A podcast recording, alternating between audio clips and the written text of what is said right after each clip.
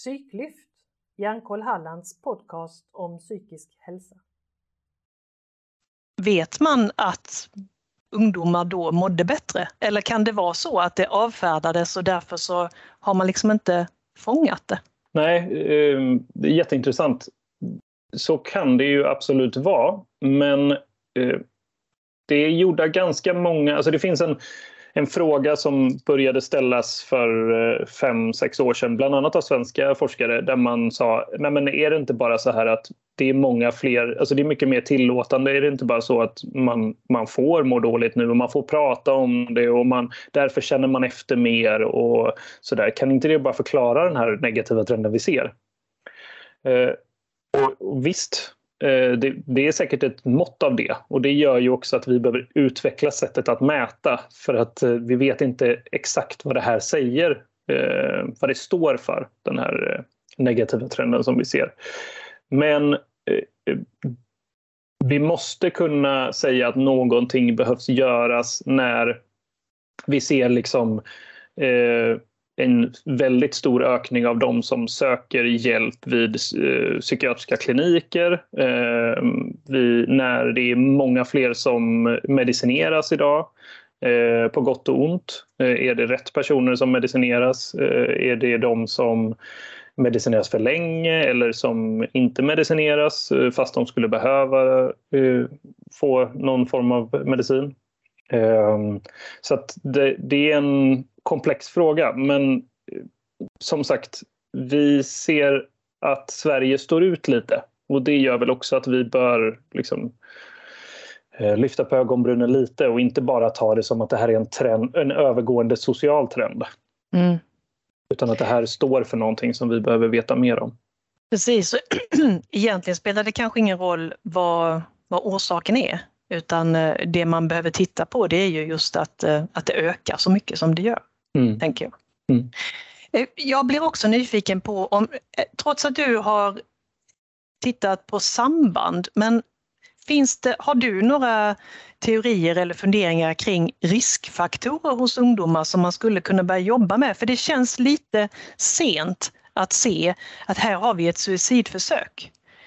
Eh, finns det riskfaktorer som man kan se att här kan vi fånga saker tid, på tidigt stadium som skulle kunna leda till att den här ungdomen utvecklar en mer allvarlig psykisk ohälsa eller psykisk sjukdom till och med. Mm. Eh, det är jätteintressant. Alltså, det jag tittar på egentligen det är ju jag försöker se väldigt tidiga tecken.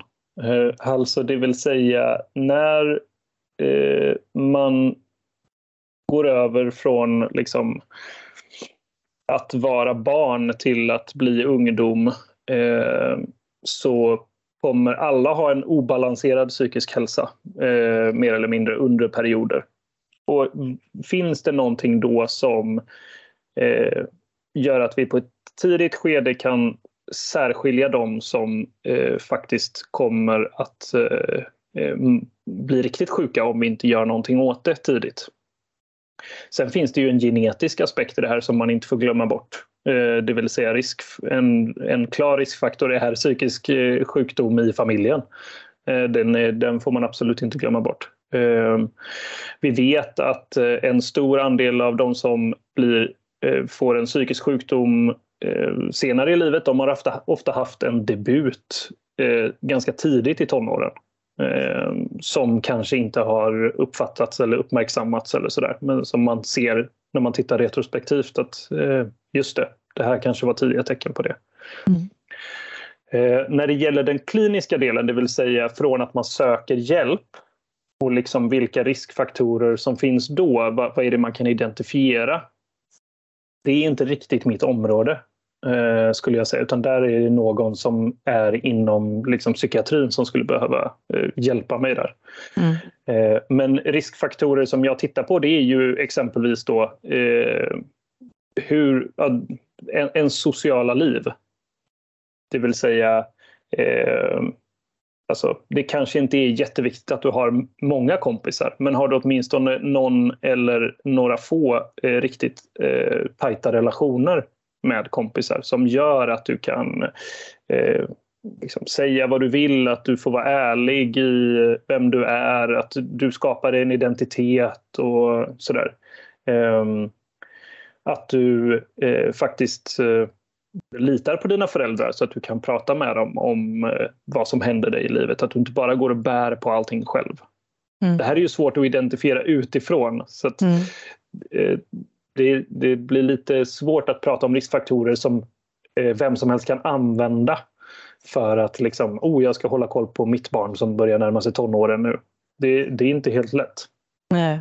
Eh, och där tror jag att, att, att ha en bra relation med eh, sina barns kompisar är jätteviktigt. Jag tror att det är jätteviktigt att ha en bra relation med eh, skolan så att man får liksom nys om när det är någonting som inte verkar som det, vara som det ska. Mm. Eh, och det, det är ju jätteviktiga saker som du säger och, och det är ju spännande att eh, forskning fortgår, tänker jag. Men fortfarande så i mitt huvud så kommer det upp bilder på ungdomar som faller mellan stolarna. Mm. Det vill säga de som inte har en, en välfungerande familj, där kanske föräldrarna har psykisk ohälsa. Eh, men det är ingen i skolan som kanske vet om det. Eh, Föräldrarna orkar inte engagera sig, kan inte engagera sig. Barnen känner inte bekräftelse utan söker sig då kanske till grupperingar där man inom citationstecken kan få vara den man är, tycker man. Men det kan ju vara i sådana sammanhang som är eh, kriminella eller skadliga på något annat sätt. Det kan förekomma droger och det kan ju leda till att man känner att här kan jag slappna av och här finns det andra som är som jag, här kan jag få bekräftelse. Mm. Eh, det där är ju en, en jättesvår fråga, och, och, men ack så aktuell och, och, viktig. Vad har, du för, har du stött på någonting där i, i din forskning eller har du liksom sett något som, som kan, eh, skulle kunna inge någon form av hopp i, den, i det sammanhanget?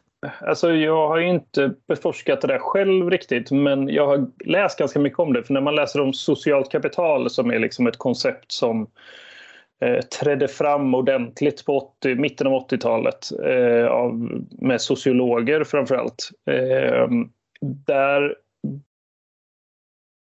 tittar man ju på liksom, eh, socialt kapital som det, eh, det som eh, vad ska man säga, fungerar som ett lim för grupper i samhället.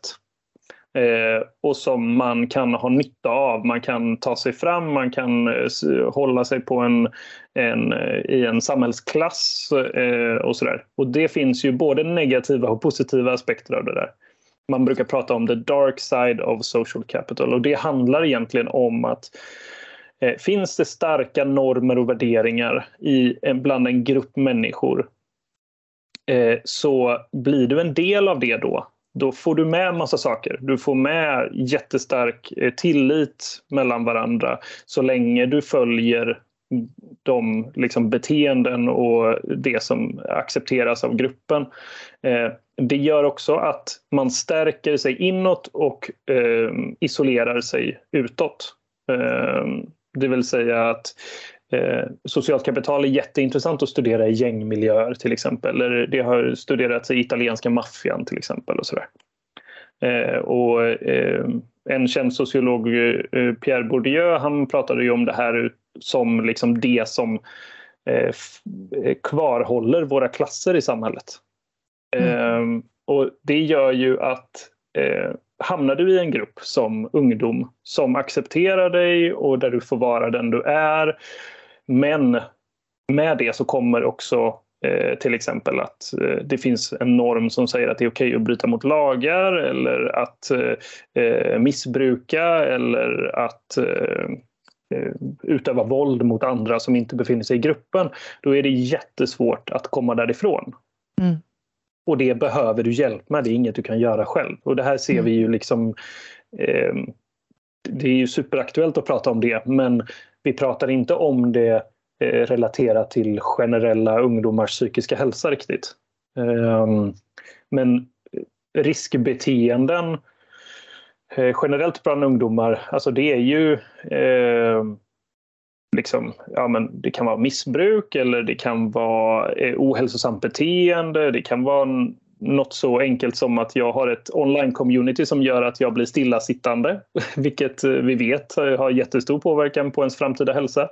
Ehm, det kan ju handla om ehm, att det är okej okay att mobba utomstående exempelvis på en skola eh, med maktgrupperingar och sådär. Och här tror jag att det är, det är vuxna i samhället på alla instanser som behöver hjälpas åt att motverka de här normerna och, och göra det mer attraktivt eller mer lönsamt att inte hamna där. Mm. Mm. Det är det som är svårt då. Vi behöver liksom göra det, eh, visa att visst, det kanske krävs ansträngning men alternativet kommer att vara bättre. Mm.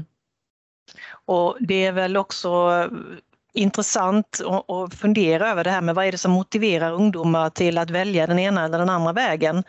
Eh, och ofta är det nog kortsiktiga mål, tänker jag, som, som man som ungdom har. Man funderar inte i det långa perspektivet, är detta bra för mig i längden?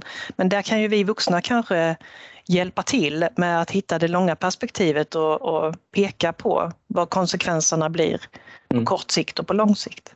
Absolut. Och, och, för att det ska vara möjligt så krävs det ju att vi sätter oss in i vad våra barn gör. Så att vi mm. måste förstå det först, för vi kan inte komma som vuxen och säga du, det här är skit, det här, måste, det här kan du inte hålla på med.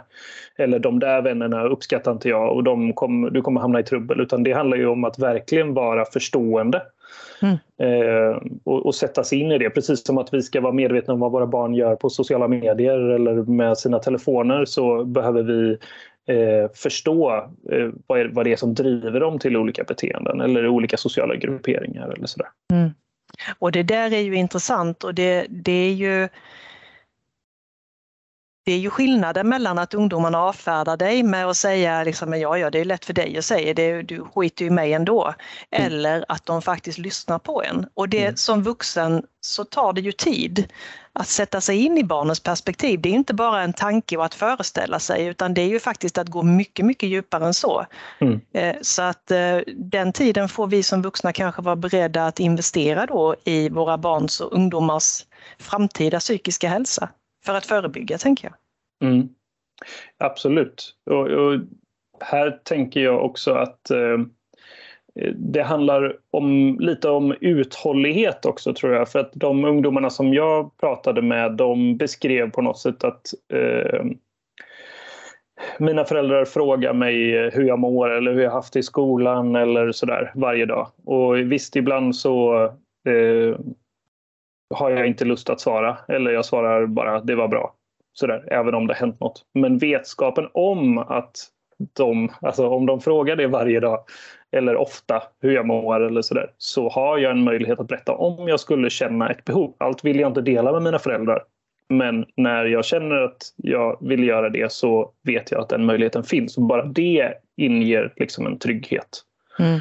Eh, att ha rutiner hemma. Att äta middag varje dag. Eh, att skapa liksom förutsättningar för att kunna samtala om man mm. vill. Att mm. gå ut på en promenad tillsammans, att springa tillsammans eller att titta på en tv-serie tillsammans. eller sådär.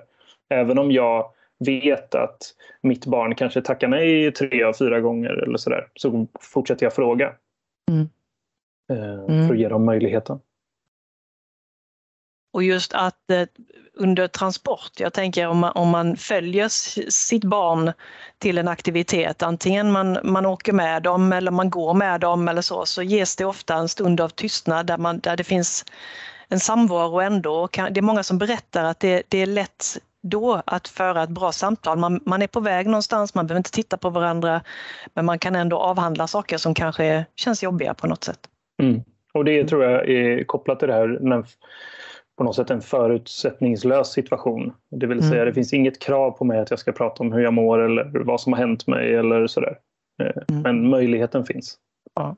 Mm. En eh, avslutande aspekt eh, tror jag, eh, jag, ibland säger jag avslutande och sen så kommer vi in på något intressant och så fortsätter vi ändå. Men, ja. men du pratar eller skriver i din avhandling om safe space. Mm. Du har varit inne på det lite men vi har inte använt begreppet så tror jag. Vill, vill du förklara lite, vad är safe space? Eh, safe Space myntades av eh, en av de ungdomarna som jag intervjuade och jag tyckte att det eh, var ett väldigt bra sätt att sammanfatta det som många berättade. Det vill säga, Safe Space var inte nödvändigtvis en liksom, fysisk plats eller eh, kopplat till eh, eh, en speciell person hela tiden eller sådär utan det var benämningen på när det fanns en ömsesidig tillit i relationer eller nätverk. Eh, det vill säga, jag delar med mig men jag, är också, jag har också en vetskap om att du känner att du kan dela med dig till mig om vad som helst i stort sett. Eh, det fanns, och det, och det beskrev de eh, både i sin familj, ungdomarna, de beskrev det bland vänner och bland vänner var det väldigt beroende på vilka som var med. Det kunde vara ett safe space med en kompis, det kunde vara safe space med tre kompisar men kom det in en fjärde som eh, inte riktigt var där, då helt plötsligt så ändrades hela dynamiken i gruppen och man upplevde inte samma sak. Man pratade inte om samma saker exempelvis. Eh, det här var också något som man beskrev då framförallt kanske kopplat till liksom, eh, släktingar. Ehm, där eh, till skillnad från relationer med föräldrar så fanns det inte ehm, man upplevde inte samma krav. Det fanns inte samma regler eller förväntningar på en. Eller så där. Man upplevde en större frihet. Det var det ena. Det andra var en förutsättningslöshet, det vill säga jag kan, eller villkorslöshet snarare. Jag kan höra av mig när som helst. Det spelar ingen roll om vi har bråkat. Eh, det spelar ingen roll om du har varit bortrest eh, eller eh, om vi, det känns som att vi håller på att växa ifrån varandra. Jag, kan ändå, jag vet att jag kan höra av mig när som helst om det är någonting verkligen. Mm. Och det skulle vara liksom ömsesidigt då också. Mm. Och den tredje delen var en, någon sorts ärlig och inkluderande atmosfär. Det vill säga, jag, med många så kanske jag förställer mig. Eh, jag kanske inte är riktigt mig själv men i den här relationen eller med de här människorna så kan jag, vet jag att jag kan säga vad jag tycker. Eh, och jag kan... Eh, jag känner mig välkomnad alltid mm. i stort sett. Mm. Mm. Och det var liksom, det ramade in det här vad ett safe space var ganska bra. Eh, och verkade vara jätteviktigt för ungdomarna. Och ja, det, det känns väl som att det är en viktig sak för de flesta människor. absolut. Mm. Jag skulle också vilja fråga dig, vad var det i, din, i ditt forskningsarbete som du blev mest förvånad över? Ehm, som jag blev mest förvånad över? Ja, eh, jag tror jag har fått den frågan några gånger och jag är osäker på om jag har svarat samma någon gång. Nej, det behöver man inte göra. man, man ser, när det går lite tid så börjar man fundera över liksom vad det egentligen var som, som förvånade mig. Eh,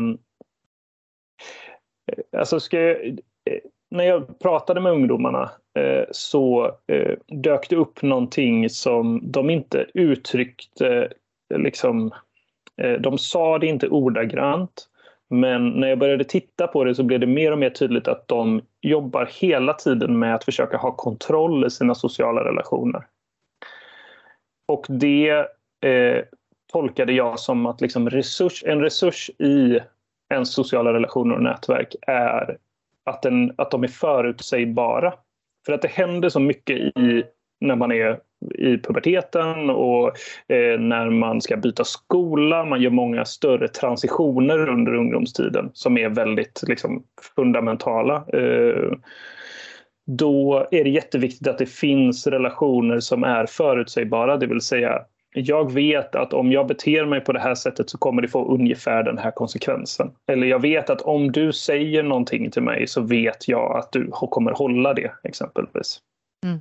Eh, och det eh, tror jag är en sån här, det kan man däremot ta med sig som förälder eller som lärare eller som eh, vem som helst som jobbar med ungdomar. Att, att försöka hålla vad man lovar, att bete sig konsekvent mot eh, samtliga elever i en klass om de beter sig på ett visst sätt. Det vill säga man behandlar inte människor på olika sätt. Eh, även om det ska vara individanpassat så ska man inte se att någon liksom får en särbehandling positivt eller negativt. Eh, det kan vara enkla saker som att man hjälps åt att passa tider, att man pratar om framtiden. Sådana här enkla saker som vi vuxna tar för givet när man får sitt första jobb, liksom, är, hur hjälps vi åt med det? Vad, vad, betyder det egentligen att välja en gymnasieutbildning? Bestäms hela mitt liv här? Alltså allting som mm. gynnar det här att jag kan få kontroll. Eh, och det tror jag är liksom, ganska generellt för människor i samhället att vi upplever mycket mer stress när vi, har, när vi inte känner att vi har kontroll. Har vi mycket på jobbet men har kontroll och vet exakt vad som ska göras så är det mycket lättare att ha en positiv stress. Medan mm. tvärtom, har vi inte kontroll så kanske vi kan ha ganska normal mycket att göra men vi upplever en, en större negativ stress. Mm. Var, det, var det själva kontrollen som förvånade dig, att de uttryckte det indirekt då?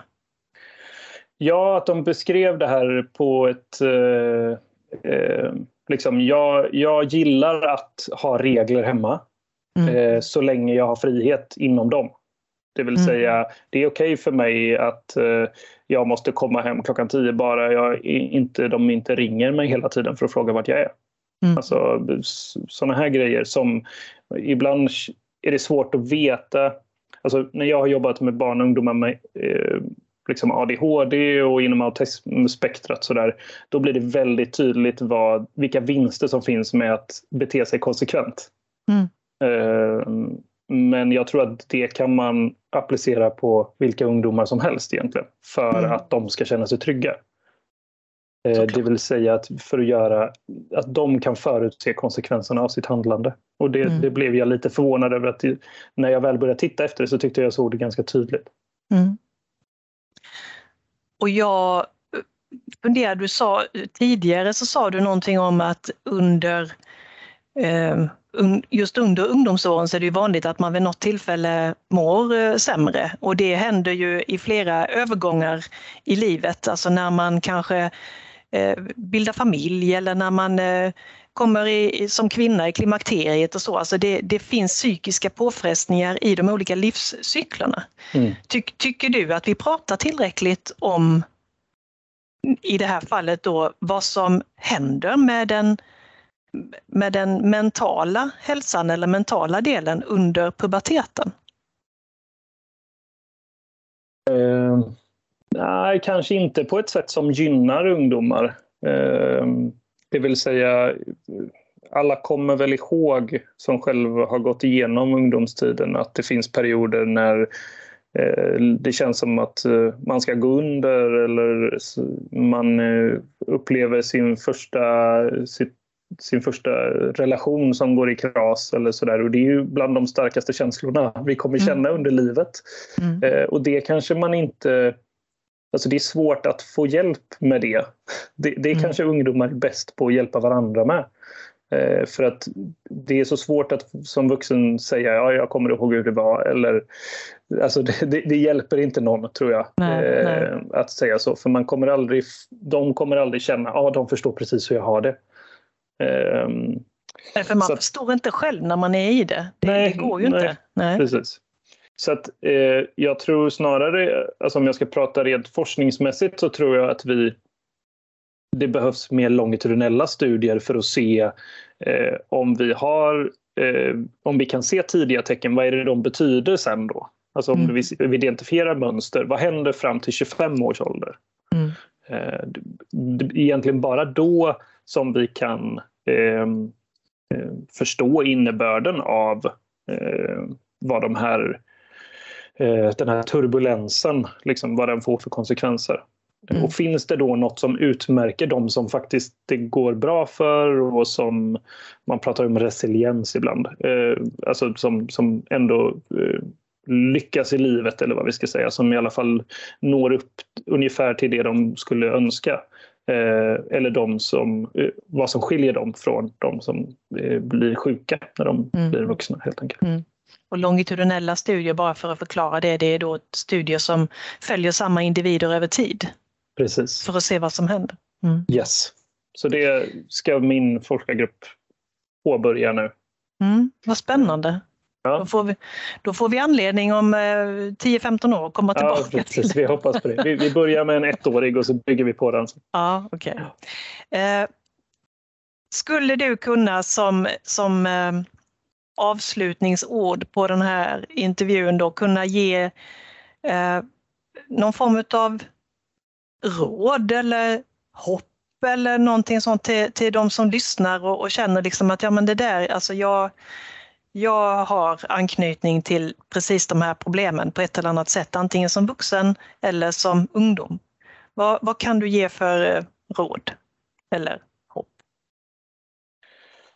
Um, ja, men alltså det finns ju eh, positiva eh, det finns ljusglimtar bland den mörka forskningen. Eh, det finns dels en jättesatsning just nu i Sverige på ungdomars psykiska hälsa eh, som jag tror inte är, motsvarar något vi sett tidigare ehm, när det gäller forskning. Men också organisationers eh, vilja att utvecklas eh, organisationer som jobbar med och mot ungdomar som mm. lider av psykisk ohälsa. Men också för att stärka den generella hälsan. Så det är mm. ju jättepositivt att det, det, visar ju att det tas på allvar. Eh, som eh, Alltså, vi måste också lyfta att de allra flesta ungdomar eh, skattar eller säger att de, har en, de är jättenöjda med sitt liv. Eh, och de har inte många psykiska besvär och de har jättestarkt socialt kapital. Det får vi inte heller glömma. Mm. Eh, och vi har fantastiska föräldrar och lärare och eh, idrottsledare och eh, liksom, eh, eh, vuxna som eh, tar hand om ungdomar och som bryr sig om ungdomar och, och som rör sig bland ungdomar ute i samhället. Ehm, jag det är svårt att, att, säga någonting direkt till ungdomarna men de befinner sig ju mycket på eh, internet på olika sätt med sina telefoner och där ser jag en jättepotential i att eh, använda den plattformen för att stärka deras psykiska hälsa. För att Eh, hjälpa dem genom eh, en tuff tid. Eh, mm. Både att de har möjlighet att prata med varandra utan att riskera att det de säger hamnar hos människor som inte alls vill dem väl. Ehm, att vi uppmuntrar till fysisk aktivitet, till hälsosamma beteenden utan att det blir någon sorts hälsotrend som är helt ouppnåelig. Eh, den behöver vara helt realistisk och baseras på allas förutsättningar. Så att eh, vi ska inte ha någon sorts målbild som är den som basuneras ut eh, av liksom, kommersiella företag. För den, är, den skapar nog mer negativ påverkan än att den uppmuntrar till hälsosamt beteende tror jag. Mm. Så där finns en jätteresurs tror jag om vi lyckas använda den på rätt sätt. För ungdomar spenderar mycket tid framför sin skärm. Mm. Mm. Det finns något att bita i, eh, gör det verkligen och det är gott att veta att det finns eh, också forskare som, som tar det här problemet på största allvar och, och söker kunskap för att kunna göra bättre framöver. Mm. Och där är du en av dem. Tusen tack för att du ville vara med i den här podden idag. Tack så jättemycket för att jag fick vara med. Tack och hej! Hej! Fortsättning följer. Missa inte nästa avsnitt.